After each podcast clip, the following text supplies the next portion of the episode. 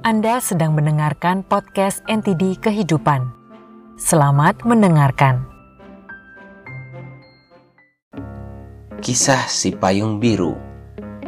Rini, seorang pelajar sekolah, mempunyai kebiasaan untuk mampir ke minimarket sepulang sekolah sebelum pergi lagi ke tempat lesnya. Minggu lalu, selama beberapa hari selalu turun hujan. Hujan sebentar turun, sebentar reda.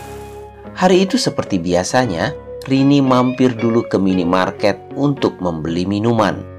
Setelah membeli minuman, keluar minimarket ternyata hujan telah reda. Rini tidak ingin membawa payung birunya dalam keadaan basah ke tempat les. Karena itu dia meninggalkannya di tempat yang sudah tersedia di depan minimarket. Seusai les dan dijemput ibunya, ia berencana untuk menjemput payungnya tersebut. Ketika sedang les, hujan turun kembali, bahkan lebih lebat dari sebelumnya. Untungnya, ketika les selesai, hujan pun berhenti. Saat les usai, ibu pun datang menjemput. Rini berkata pada ibunya, Ibu, bisakah mampir sebentar di minimarket untuk ambil payung? Tadi saya tinggalkan di sana. Hah? Payung bagus kamu ditinggal di sana. Kalau diambil orang bagaimana? Setibanya di depan minimarket, Rini turun dari mobil. Dalam sekejap, ia mengetahui bahwa payung birunya itu telah hilang. Rini pun berjalan masuk ke dalam mobil dan berkata, Ibu, payungnya udah nggak ada. Mana mungkin bisa hilang? Kok bisa hilang ya? Ibunya terdiam dan merenungi kepolosan putrinya itu.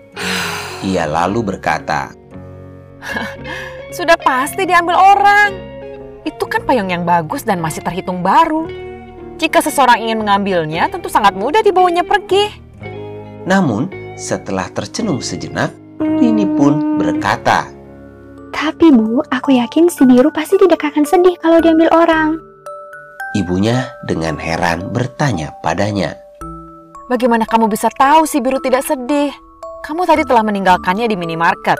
Dia pasti mengira kamu sudah tidak menginginkannya lagi. Rini menjawab, Bukan, bukan begitu Bu. Tadi pas Rini di tempat les, hujan turun lebat sekali. Orang yang membawa si biru pergi pasti tidak membawa payung. Barulah dia memakai si biru. Si biru pasti tahu dia sudah menolong orang yang tidak membawa payung itu. Membuat orang itu tidak sampai terguyur basah kusut oleh air hujan.